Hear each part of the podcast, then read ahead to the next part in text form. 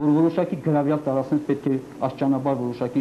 ուրեմն ժամանակահատվածի ընթացքում կամ գրաֆիկով հանձնել ադրբեջանական կողմին Մոտ 40 զինծառայողների մայրեր միանում են Աննա Հակոբյանի խաղաղության կոչին։ Ղարաբաղի հարցի ցանկացած լուծում պետք է ընդունելի լինի Հայաստանի ժողովրդի համար, Ղարաբաղի ժողովրդի համար եւ Ադրբեջանի Ադրբեջանի ժողովրդի համար։ Life is good.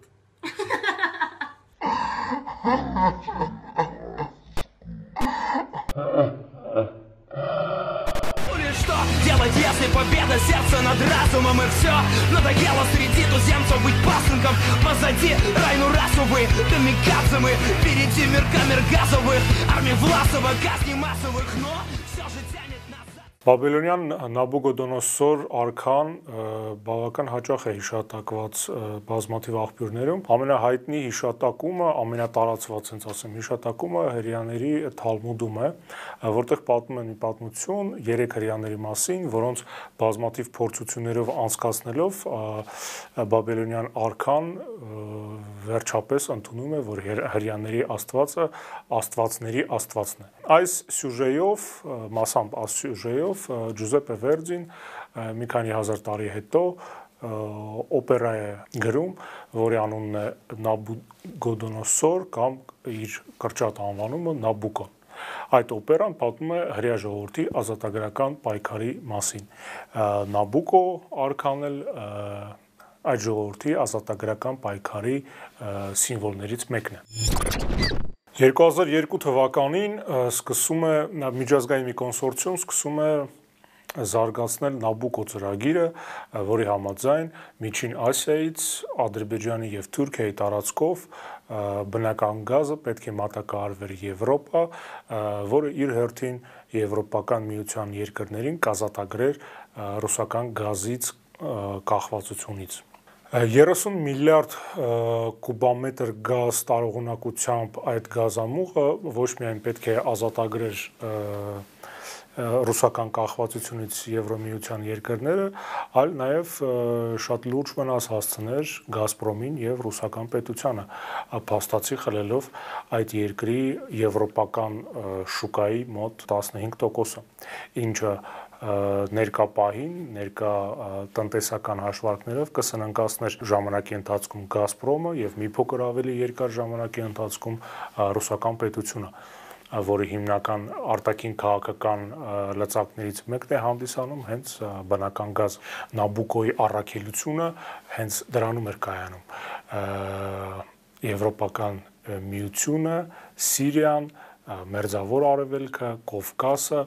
փաստացի ազատագրել ռուսական ազդեցությունից։ Հիշում եք նախկին բռնապետական, ավազակապետական, քրեաօլիգարխիկ ռեժիմի օրոք ամեն երկուշաբթի բարլուսով բազմաթիվ լրատվամիջոցներ, ԶԼՄ-ներ տարածում էին տեղեկություն, թե քանի անգամ է հակառակորդը խախտել հրադադարի հրադադարի ռեժիմը շփման գծում։ Այս վերջի մի տարվա ընթացքում կհիշեք քանի անգամ եք այդ նորությունները տեսել։ Ես օրինակ չեմ հիշում։ Չեմ հիշում երբ են վերջի անգամ այդ նորությունները տարբեր լրատվամիջոցների էջերում տեսել։ Միջդեռ իրականում իրավիճակը առանձնապես չի փոխվել իրականում անցած շաբաթ օրինակ 2500 հրադադարի ռեժիմի խախտում է տեղի ունեցել, դուրս սրանք միայն այդ գրանցված դեպքերն են։ Այսինքն ըստ էության իրավիճակը չի փոխվել, ուրիշ հարց, որ ոմանց համար այդ մասին հայտնելու անհրաժեշտությունն է կորել կամ նոր անհրաժեշտություն, նոր դիսկուրսներ մուծելու, որից ելնելով ՊՆ-ն այդ թվում նաև չի հայտնում զոհված զինծառայողների մասին մեր համար որոշել են որ Հայաստանին հայ ժողովրդին խաղաղություն է պետք ինչ որ մեկը մեր փոխարեն այդ որոշումը կայացրել է որովհետև շատ տենց ռուբիլնիկի նման է, էլի, օրինակ, այդ հրադադարի ռեժիմի խախտումների մասին նորությունները անջատվել մեր լրատվական դաշտից։ Ինչ որ ուժեր կան, որոնք որոշել են, որ հայ ժողովրդին պետք է պատրաստել խաղաղության։ Ընդ որում այնքան ջանասիրաբար են դա անում, այնքան ռեսուրսներ են եւ փողեր են ծախսում։ Իմ մոտ հարց առաջանում, որ այդ ինչ սարսափելի բան է այդ խաղաղությունը, որ մենք դրան պետք է պատրաստվենք։ Այդ ինչ է էլի այդ խաղաղությունը, որ այդքան փող է պետք ծախսել, որ մեզ դրան պատրաստել, կամ ինչ կա այդ խաղաղության մեջ, որին մենք պետք է պատրաստվենք։ Ընդ որում, քանի որ մենք ենթադրաբար շատ արնախում ազգ են, կռվարար ազգ են, միջազգային հանրություն կոչեցյալը իդեմս Եվրոմիության, Ամերիկայի եւ այլ պետությունների շատ ավելի մեծ ջանքեր են գործադրում մեր մոտ խաղաղություն պատրաստել պատրաստելու գործում, քան Ադրբեջանում։ Տեսեք, միայն ՄԱԿ-ի գծով գրանտերի բոլոր գրանտերի կեսը համարյա նվիրված է հենց ժողովրդին խաղաղասիրություն քարոզելուն։ Այսինքն բոլոր խնդիրներից Հայաստանում գոյություն ունեցող ամենակարևոր խնդրեմը ՄԱԿ-ի կարծիքով մեր մեջ խաղաղասիրության պակասն է ինչ որ մարդկանց թվում է որ հայ ժողովուրդը խնդիր ունի խաղաղության հետ երևի տենց մենք չենք ցանկանում խաղաղություն Միջդեռ օրինակ Ադրբեջանը ենթադրաբար այդ խաղաղությանը պատրաստ է եւ ուզում է եւ տենչում է նրանք մեզանից ենթադրաբար շատ ավելի խաղաղասեր են սա է պատճառը որ նույն ՄԱԿ-ը Հայաստանում 5 անգամ ավելի շատ փող է ծախսում խաղաղասիրության կարոզի վրա քան Ադրբեջանում մեր երկրում մեկ բնակչին ընկնող հաշվարկով մոտ 7 դոլար է ՄԱԿ-ը ծախսել մինչ օրս խաղաղություն քարոզելու համար իսկ խաղաղասեր տոլերանտ Ադրբեջանում 1.3 դոլար։ Այդ են Ադրբեջանն, որ հերոսացնում է քնած մարդուն կացնահարողին եւ վերջին 100 տարում մի քանի անգամ էթնիկ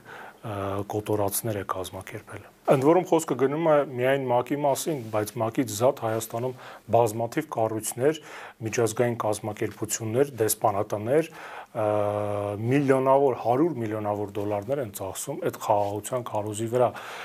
նման քարոզչական մի միջոցառման ժամանակ, որը կազմա, կազմակերպված էր Միացյալ Թագավորության ուղակի ֆինանսավորմամբ, ես հարց տվեցի կազմակերպիչներից մեկին, ես հարցրեցի Միացյալ Թագավորության դեսպանին, արդյոք նա կարող է հաստատել այն կարծիքը, որ շփման գծում լարվածությունը լարվածության համար հավասարազոր պատասխանատվություն են կրում կոնֆլիկտի երկու կողմերը։ Այս իմ հարցին դեսպանը հրաժարվեց պատասխանել։ Հենց տենց էլ ասեց, ասեց ես հրաժարվում եմ այդ հարցին պատասխանել։ Նա հրաժարվեց պատասխանել արդյոք երկու կողմերը հավասարազոր ջանքեր են գործադրում լարվածություն ստեղծելու համար։ Այս ծախսերը, այս կեղծ հավասարության նշանները, այս երկակի ստանդարտների քաղաքականությունը, երբ թվում է թե դեմոկրատական Հայաստանը պետք է մի փոքր ավելի բարձր դիրք ունենար, քան ավտորիտար Ադրբեջանը։ Այս ամեն այս բոլոր փաստերը մեզ հուշում են, որ մեզ ոչ թե խաղաղության են պատրաստում, այլ կապիտուլյացիայի այս ամեն ինչի քարոզի իմաստը ոչ թե համոզելն է, որ խաղաղությունը լավ բան է, այլ համոզելն է, որ մենք չկռվենք, եթե դրա անհրաժեշտությունը լինի։ Մենք պիտի, ինչպես 100 տարի առաջ Գյումրի մոտակայքում աղ ու հացով դիմավորենք ճշնամուն, ոչ թե նժդեին ընդօրինակելով նույնիսկ մեր ազգի դավաճաններին ձորը գցենք։ Սա է իմաստը այս ամբողջ քարոշչության։ Հականեժդեհական, հակա ազգայնական, հակապահպանողական այս ալիքի իմաստը հենց դրանում է կայանում։ Այս խաղաղասիրության քարոզը ընդհանրապես գործիք է, գործիք, որը կոչված է հայկական հարցը վերջնականապես լուծել, վերջին լուծումը տալ, հարցը փակել adekvati 101-րդ թողարկումը հենց դրա մասին էր գենոցիդի եւ պատրիոտիդի, այսինքն ցեղասպանության եւ հայրենազրկման մասին էր։ Իսկ մեր այս թողարկումը լույս է տեսնում այն ժամանակ, երբ Ադրբեջանը աննախադեպ զորավարժություն է պատրաստում, խախտելով իմիջիայլոց միջազգային իր պարտավորությունները, սրա մասին լրում է թե մեր ԱԳՆ-ն, թե Մինսկի խմբի համանախագահները, նրանք դրա փոխարեն տարածել են մի հայտարարություն, որը ողջունել է Ադրբեջանը, հայտարարություն, որը բազմաթիվ քննադատությունների արժանանալով Հայաստանում փորձագետների կողմից, չգիտես ինչու, առանձնապես արձագանք չստացավ Հայաստանի այսօրվա իշխանությունների կողմից։ Փաստացի իշխանության եկածի երիտ հայերը, որոնք հենց վերոհիշյալ գրանտերով էին սնվել, աճել եւ առաջացել այս խաղաղասիրության, ճակերտավոր խաղաղասիրության քարոզի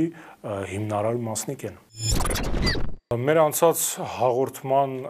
պոստի տակ Հայաստանի նախկին վարչապետ Քրիստոնյա դեմոկրատական միության նախագահ Խոսրով Հարությունյանը մի հարց էր հղել ինձ, խնդրելով, որ ես բարձաբանեմ, որոնք են այն տնտեսական պատճառները, որոնք իբր թե հանդիսանում են հիմնական մոտիվացիա հայկական հարցը վերջնականապես լուծել եւ հայրենազրկել հայրին։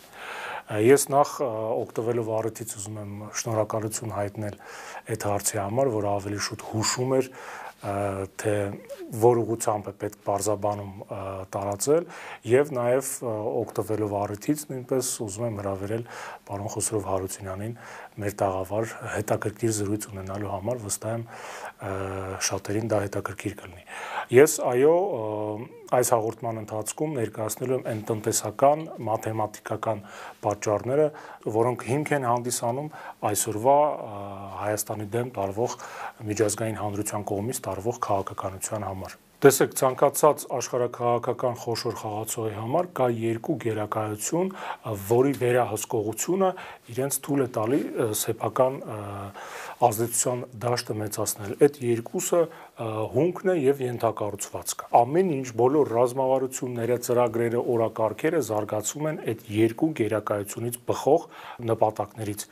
ցանկացած երկրի ցանկացած աշխարհակաղակական լուրջ խաղացողի նույնիսկ առողջապահության, կրթական, չգիտեմ, տարածքային զարգացման, ռազմական զարգացման ծրագրերը բխում են այդ երկու գործոնից հունք եւ ենթակառուցվածք եւ այդ երկու գործոնի վերաբերյալ վերահսկողություն սահմանելու անհրաժեշտությունից աշխարհի տեր է հանդիսացում նա ով հնարավորին չափ շատ հունք է վերահսկում եւ այդ հունքը եւ այդ հունքից առաջացած ապրանքների առևտրի ենթակառուցվածքները հունքի մեջ մտնում է առաջին հերթին էներգակիրները երկրորդ հերթին այն միներալները որոնցից որ պրոդուկտներ են առաջանում, երրորդ հերթին հողը զուտ գյուղատնտեսական նպատակով, չորրորդ հերթին ջուրը, քաղցրահամ ջուրը մասնավորապես, հինգերորդ հերթին փայտը, անտառը։ Ենթակառուցվածքների առումով ամենակարևոր գերակայություններն են սահմանները եւ սահմանի պետության մեջ միջև եղած սահմանների վերահսկողությունը։ Երկրորդ հերթին ճանապարհները, առևտրի ճանապարհները լինի դա օթային, գետնով, թե երկաթուղային, թե ծովային։ Երրորդ հերթին, երրորդ կարևորագույն ենթակառուցվածքն է ֆինանսական ենթակառուցվածք, այսինքն բանկային համակարգը, բանկային փոխանցումները, չորրորդ հերթին տեղեկատվական ուրեմն հոսքերի կառավարումը, սա բաժանվում է իր հերթին երկու մասի՝ տեղեկատվական հոսքերի ֆիզիկական կառավարումը, այսինքն ում ձեռքում է կաբելը, կոպիտ ասած ինտերնետի կաբելը ով է վերահսկում, եւ երկրորդը ով է տալի այդ կաբելի կոնտենտը, բովանդակությունը Սրանք են այն բոլոր ենթակառուցվածքները, որոնք անհրաժեշտ են հումքը հանելու, արտադրելու եւ վաճառելու համար։ Հայ ժողովուրդը բնակվում է մի խաչմերուկում, որտեղ վերահիշյալ հումքային եւ ենթակառուցվածքային շահեր են բախվում, բախվում են բազմաթիվ աշխարհակաղակական կենտրոնների հիմնական շահեր Մենք այո հիմա բնակվում ենք մեր երբեմնի արեալի շատ փոքր մասնիկի վրա եւ սա էլ ունի իր օրինաչափությունը, իր օրինաչափական բացատրությունը, մենք որպես տեսակ այդպես էլ մնացինք որսորդ հավաքող եւ ինչպես աշխարհի բոլոր մնացած նմանատիպ ցեղերը ստիպված ենք գնալով փախչել քաղաքակրթությունից եւ մեկուսանալ մեր փոքր հատվածներում, եթե Ամազոնկայի, Աֆրիկայի կամ Ասիայի ջունգլիների ցեղերը ստիպված են փախնել, երբ որ իրենց ջունգլին է վերանում, մենք ստիպված ենք փախնել, որովհետեւ պատերազմների եւ այլ իրադարձությունների արդյունքում ստիպված եղանք բնակվել այնտեղ, որտեղ որ հիմա ենք բնակվում որը կրկնում եմ մեր բնական արեալի շատ փոքր մասնիկ է կազմում։ Եվ եթե չլինեին բոլշևիկները, եթե չլիներ զարգացումը կրթական եւ մնացած այլ ոլորտներով, մենք իրականում էականորեն չենք տարբելու, չենք տարբերվելու ամազոնյան ջունգլիներում բնակվող ցեղերից։ Մեր վարկը, բարքը հասարակական ասենց ասեմ կառուցվածքը գրեթե իրականում ըստ էության չի տարբերում սա պայքար է մեծ առումով քաղաքակրթության դեմ, երբ գյուղատնտես քաղաքակրթությունները կլանում են որսորդ հավաքող քաղաքակրթությունները։ Մենք մեր հողը, ինչպես ասեցի, կորցնում ենք, որովհետև այդ մեր հողը պետք է ուրիշներին, եւ այդ ուրիշները շատ ավելի շատ երեխա են բերել, շատ ավելի շատ արդյունավետ են մշակել իրանց հողը եւ ունեն այդ ռեսուրսները, որովհետեւ այդ հողը խլեն։ Իսկ ինչի համար են խլում, ես հիմա կբացատրեմ։ Նույն տեսակ Եվրոմիության համար կարևորագույն խնդիրը հիմա հիմա ալտերնատիվ էներգակիրների տարանցումը այս տարածաշրջանով։ Երկրորդ կարևորագույն խնդիրն է ալտերնատիվ ենթակառուցվածքները տրանսպորտային, այսինքն իրանց Չինաստանի հետ կապող ալտերնատիվ կորիդորներ են պետք։ Իրանք չեն ուզում կախված լինեն ոչ էներգակիրների առումով, ոչ տրանսպորտի առումով Ռուսաստանից, որը հիմա հիմնական իրանց մատակարարն է եւ տարանցման ուղին է։ Ամենայն դրանից զատ նաեւ պետք է որ Ռուսաստանը մեկուսացվի եւ Իրանը մեկուսացվի եւ Հայաստանը փաստացի այդ իզոլյացիայի դեմ գործոն է հանդիսանում այս պահին։ Թուրքական քաղաքակրթությունը, ասենց ասեմ, նպատակ է դրել բարիեր հանդիսանալ Չինաստանի եւ Եվրոպայի միջև եւ վերահասկել թե էներգակիրների տրանզիտը եւ թե ապրանքների շրջանառությունը։ Իրանց խնդիրը գլոբալ կայանում է նրան, որ այդ պանոսմանական ծրագրի հիմնական փուշը հիմա հանդիսանում է փոքրիկ Հայաստանը իր հայ ժողովրդով Եվ սրանից բխում է տրամաբանորեն, որ Ռուսաստանի Դաշնությանը Հայաստանը պետք է որպես ֆորպոստ, որը թույլ չի տա ալտերնատիվ էներգակիրների եւ ապրանքաշրջանառության տարանցման պրոյեկտներ առաջանան, որոնք ավելի շահավետ կլինեն կամ գոնե հավասարազոր շահավետ կլինեն ռուսական պրոյեկտներին։ Չինաստանը մեզ դիտարկում են որպես ավելի շուտ հակաթուրքական պրոյեկտ, նրանց էլ պետք չի մեծ պանոսմանյան տենց ինչ որ կա աշխարհակահաղական խաղացող, որի հետ նրանք ստիպված կլինեն հաշվի նստել իրենց ապրանքները Եվրոպա վաճառելիս։ Իրանի համար մենք զուտ հարևան ենք, որի հա, որի հետ վատ հարաբերություններ ունենալը ցանկալի չէ, մենք կոպիտ ասած որպես լավ հարևան իրանց չենք խանգարում։ Սա է մեր տարածաշրջանում այդ շահերի բախման ամենապարզունակ բացատրությունը, այդ խաչմերուկը տենց է առաջացել։ Ըստ այդմ, այս խաչմերուկում մնալով միայնակ մենք փաստացի մեր ռեսուրսային բազայով, մեր բնական եւ մարդկային ռեսուրսներով կարող ենք մենակ մի դեր խաղալ։ Այդ մի դերը հարամիջի դերն է։ Մենք կարող ենք, եթե ուզենանք հարամել Իրանի եւ Ռուսաստանի իզոլացումը։ Մենք կարող ենք հարամել էներգակիրների տրանզիտը ալտերնատիվ Ռուսաստանը շրջանցելով։ Մենք կարող ենք հարամել կոպիտ ասած Եվրոմիության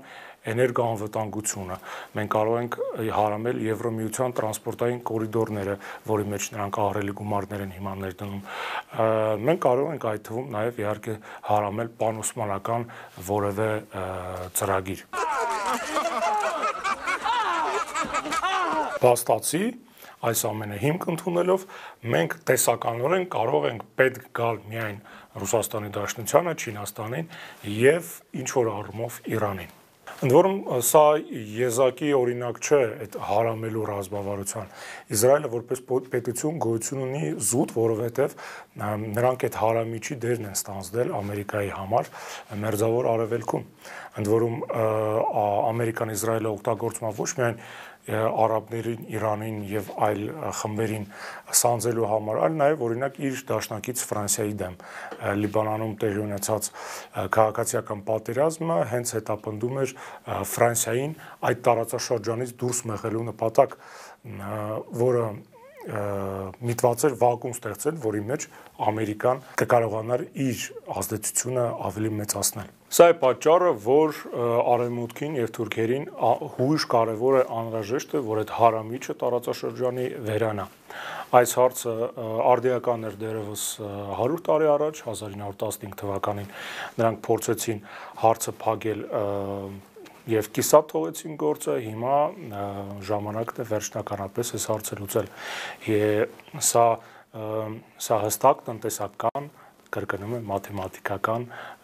մոտիվացիա ունի, որովե ինչ որ գաղափարական, իդեալիստական նպատակներ չի հետապնդում հայերի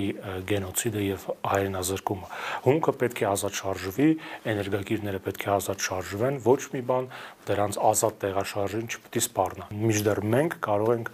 այդ ամենում միայն հարամողի դեր ունենանք։ Հայաստանում կարոզող խաղաղությունն էլ հետապնդում է հենց այդ հարցը լուծելու նպատակը մենք պետք է խաղաղվենք, խաղաղվենք եւ հանգչենք խաղաղությամբ հողերը տանք, ազատվենք,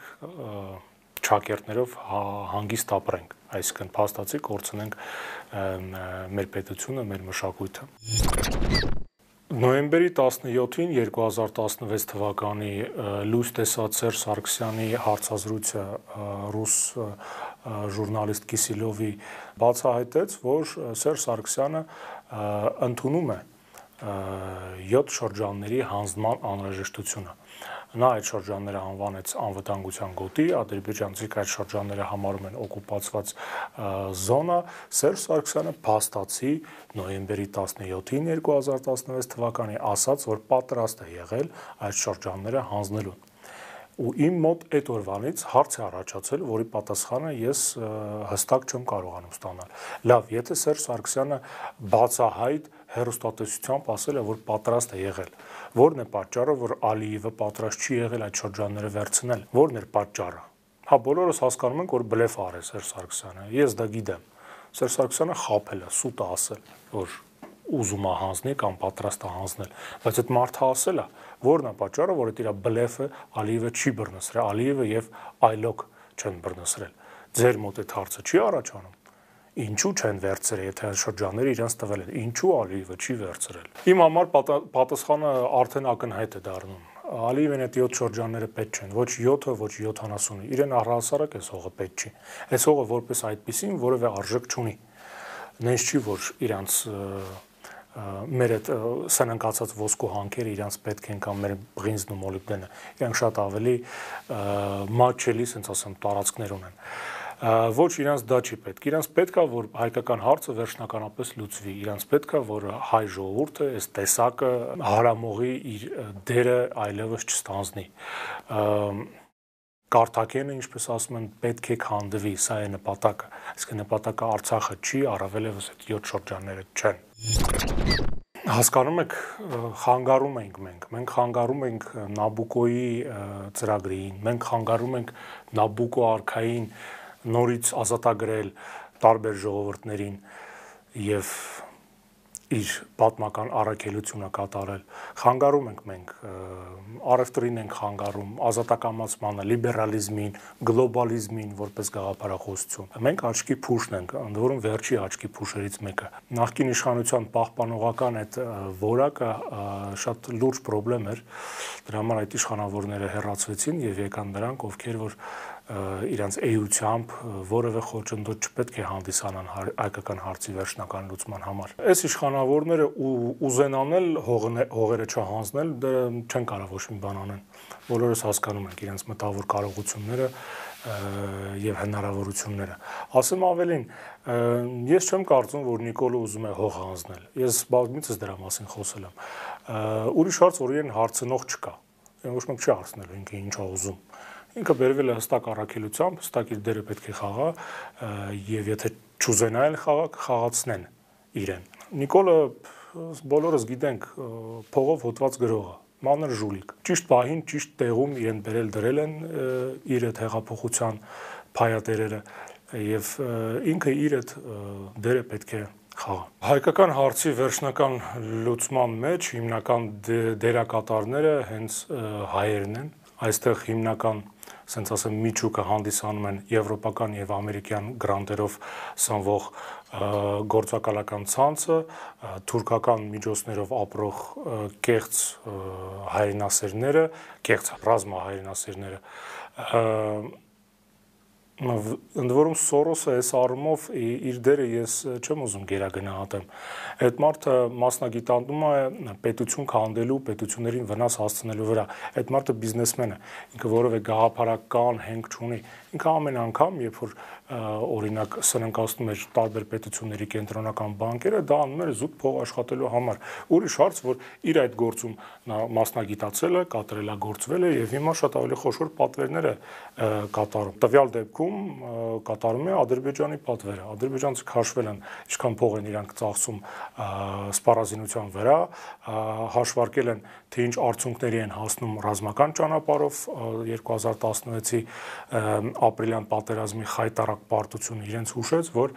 միջոցները պետք է ներդնել Հայաստանի ներսում կազմակերպման վրա, Սորոսը զուտ պետք եղած, ասենց ասեմ, վարձկան հանդիսացավ։ Ալիևն էլ հասկանում է, որ նավթը վերջանում է, որ եթե իր Գերդաստանը պետք է գոյություն ունենա, նրանք կարող են միայն գոյություն ունենալ, եթե կկարողանան կազմակերպել Եվրոպայի համար Միջին Ասիայի էներգակիրների տրանզիտը։ Սա է պատճառը, որ նրանք միջոցներ չեն խնայում։ Այս հարցը պետք է լուծվի։ Հայկական հարցը պետք է վերջնականապես լուծվի։ Սա է դրա մաթեմատիկան։ Գաղափարական ոչ մի խնդիր չկա էներգակիրները պետք է գնան, առևտուրը պետք է շարունակվի, մենք աչքի փուշն ենք, որովհետև ուրիշ որևէ դեր մենք չենք կարող ստանձնել, ուրիշ որևէ հարց Եվրոպայի կամ Ամերիկայի համար մենք չենք կարող լուծել։ Մենք իրենց պետք չենք։ Սա է խնդրեմը։ Եվ այս խնդրեմը նրանք պատրաստվում են մոտ ամիսներում մի ընդհանրում լուծել։ Այսօր այս կանա։ Շնորհակալություն ուշադրության համար։